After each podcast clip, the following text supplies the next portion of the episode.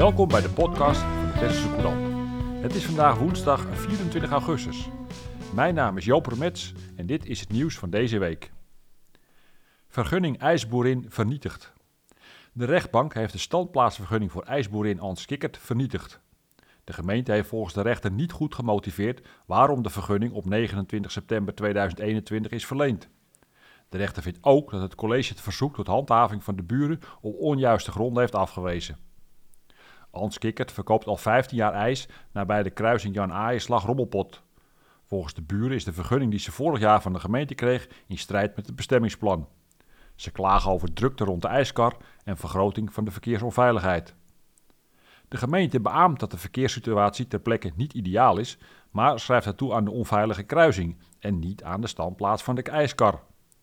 De gemeente wil het kruispunt daarom herinrichten, maar dit staat los van deze zaak. De rechtbank ziet de ijskar als een horecabedrijf en beoordeelt de verkoop van ijs daarom als een overtreding van het bestemmingsplan. De rechtbank concludeert ook dat de gemeente niet goed heeft onderzocht of de verkoop van ijs bijdraagt aan een verkeersonveilige situatie. De politie heeft wel onderzoek naar de kruising gedaan, maar dat was in december, toen de ijskar er niet stond. De rechtbank stelde de gemeente daarom in ongelijk en oordeelde dat ze binnen acht weken nieuwe besluiten moet nemen. Pluktuin blijft illegaal. Bloembollenkweker Arie Lap krijgt geen omgevingsvergunning voor zijn pluktuin aan het Lage Wegje bij de Noorden. Het college ziet na advies van de commissie bezwaarschriften, die zich opnieuw over de kwestie had gebogen, geen reden het eerder genomen besluit daartoe te veranderen. Het was de derde keer dat Arie Lap een vergunning had aangevraagd. Op enkele andere punten werd er wel in het gelijk gesteld. Zo had het college handhavend opgetreden tegen het olifantengras dat op het perceel groeit. Het gewas werd in eerste instantie gezien als erfafscheiding en daarvoor is een vergunning nodig. Maar uit nieuwe informatie was het gebleken dat het olifantengras was bedoeld voor teelt. Daarmee is het het normaal agrarisch gebruik dat in overeenstemming is met het bestemmingsplan en waarvoor ook geen vergunning is vereist, concludeerde het college. Handhavend optreden was dus niet nodig geweest. Dode man op duin. Hulpdiensten hebben vorige week dinsdag op een duintop ten noorden van paal 21 een dode gevonden.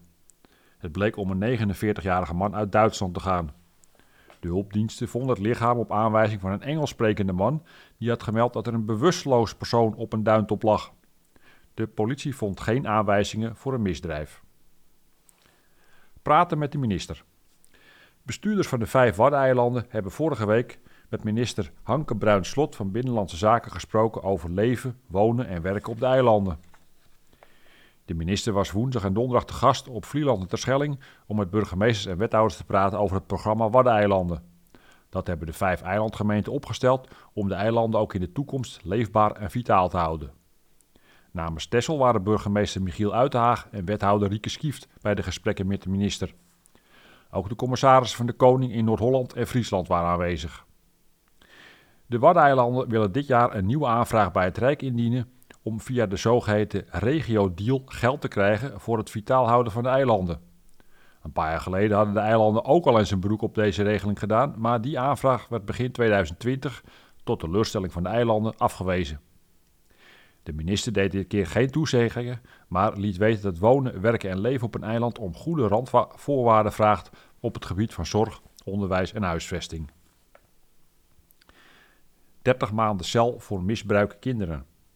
Een man die zich tussen eind 2019 en eind 2021 aan twee jonge kinderen in een Tessels gezin heeft vergrepen, heeft van de rechtbank in Haarlem een gevangenisstraf van 30 maanden gekregen.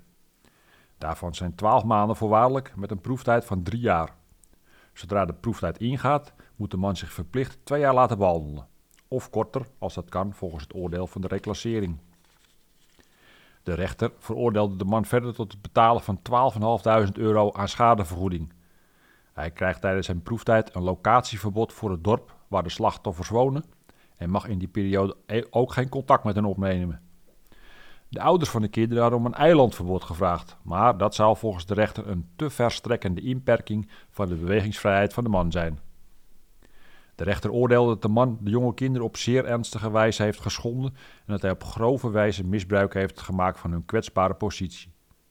Alleen een langdurige gevangenisstraf was daarom passend volgens hem. De officier van justitie had het dezelfde straf geëist. De rechter hield rekening met de conclusies in het psychologisch rapport dat over de man is opgesteld. Daaruit kwam naar voren dat hij een stoornis in het autisme-spectrum heeft, een pedofiele stoornis en een stoornis in het gebruik van alcohol. Dode spitssnuitdolfijn gevonden.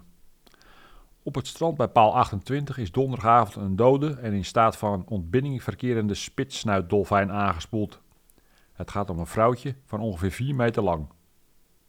Het is vermoedelijk een van de drie spitssnuitdolfijnen die op 19 juli voor de kust van Zandvoort in de problemen waren gekomen. Een van die dieren spoelde vervolgens 10 dagen later aan op het strand van Wenduinen in België.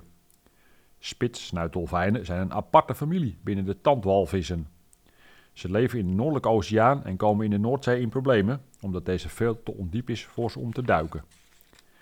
Spitsnuitdolfijnen jagen normaal op kilometers diepte op pijlinktvissen en kleine vissen. Het kadaver van een dolfijn is naar de faculteit diergeneeskunde van de Universiteit Utrecht gebracht. Daar wordt onderzocht of het dier mogelijk ziek was en wat het recent nog had gegeten. Nachtzwaluwen in de dennen. In de dennen zijn dit jaar nieuwe territoria van de mysterieuze nachtzwaluw ontdekt. Broedende paardjes werden gevonden in de bosrand tussen paal 12 en paal 15. Dit deel is onlangs door Staatsbosbeheer afgesloten voor recreanten. Volgend jaar zal moeten blijken of deze vogels hier incidenteel zaten of dat ze structureel gebruik gaan maken van de gecreëerde rust, meldt Staatsbosbeheer. De nachtzwaluw is volledig gecamoufleerd als hij op een tak rust. Daar komt ook het mysterieuze vandaan. Met zijn bruin-grijze tinten is er overdag niets te ontdekken van deze vogel in de Tesselse bosrand. De nesten van de vogel liggen op de grond. In de avondschemer kun je op het eiland het prachtige geratel horen en bij helder weer zie je ze jagen boven duinvalleien en heideveldjes. Ze jagen dan op karakteristieke wijze op grote vliegende insecten. In dit geval vooral op nachtvlinders. Ze zijn daarbij wendbaar en hangen flappend stil in de lucht, ook wel bidden genoemd. De nachtzwaluw werd in 2006 voor het eerst in jaren weer op Texel waargenomen. Sinds 2008 broedt de vogel jaarlijks op het eiland en sinds 2019 wordt de nachtzwaluw structureel gevolgd om de aantallen in beeld te krijgen. Amazone Brit naar EK. De 12-jarige Brit Kikkert uit de Koksdorp doet deze week in Hongarije mee aan het EK-dressuur voor kinderen. Het is de eerste keer dat ze deelneemt. Brit was door bondscoach Imke Schellekens-Bartels aanvankelijk als reserve opgenomen in het Nederlandse Children Team. Maar ze is een plekje doorgeschoven omdat een van de andere deelnemers is afgevallen. Brit rijdt in Hongarije het paard Dark Knight Tessel. Het EK voor Children, Amazones van 12 tot en met 14 jaar, duurt tot en met zondag. Verhalen in de wind. Na een onderbreking van twee jaar wegens corona wordt in de Waal zaterdag weer het vertelfestival Verhaal in de Wind gehouden. In zeven huiskamers zijn vertellers om bijzondere verhalen te vertellen. Bezoekers gaan na iedere voorstelling naar een volgende huiskamer. Op deze wijze bezoeken ze drie vertellers. Bij de aankoop van de kaartjes kan de bezoeker zelf een keuze maken. De voorstellingen beginnen om half drie, half vier en half vijf middags. Vanaf half zes is er een warm buffet in het dorpshuis. En vanaf zeven uur s avonds vertellen alle zeven vertellers er op het podium een kort verhaal van ongeveer vijf minuten. Daarna heeft de bezoeker de mogelijkheid nog twee voorstellingen van een verteller naar eigen keuze te beluisteren. Er zijn nog enkele kaarten beschikbaar. Meer informatie te vinden op www.verhalen인dewind.wordpress.com. Op de brandstapel. Gerrit Nansen, woonachtig op Oost, werd in 1711 veroordeeld tot de brandstapel. Hij zou in het holst van de nacht seks met een schaap hebben gehad. Waarom kreeg hij zo'n zware straf opgelegd? Oud-Tesselaar Martin Vlaming reconstrueerde het hele proces en schreef er onder de titel De zaak Gerrit Nansen een boek over. Het verhaal over Gerrit Nans is bekend uit de boeken van J.J. van der Vlis, de nestor van de Tesselse geschiedschrijving. Bij lezing ervan kreeg Martin Vlaming het idee dat zijn dramatische voorstelling van zaken niet kon kloppen. Hij bestudeerde de processtukken nauwgezet en ontdekte dat Van der Vlis allerlei lacunes in zijn documentatie met de nodige historische verbeeldingskracht had ingevuld. Niet zozeer om de waarheid te verdraaien, maar om het verhaal compleet en rond te maken.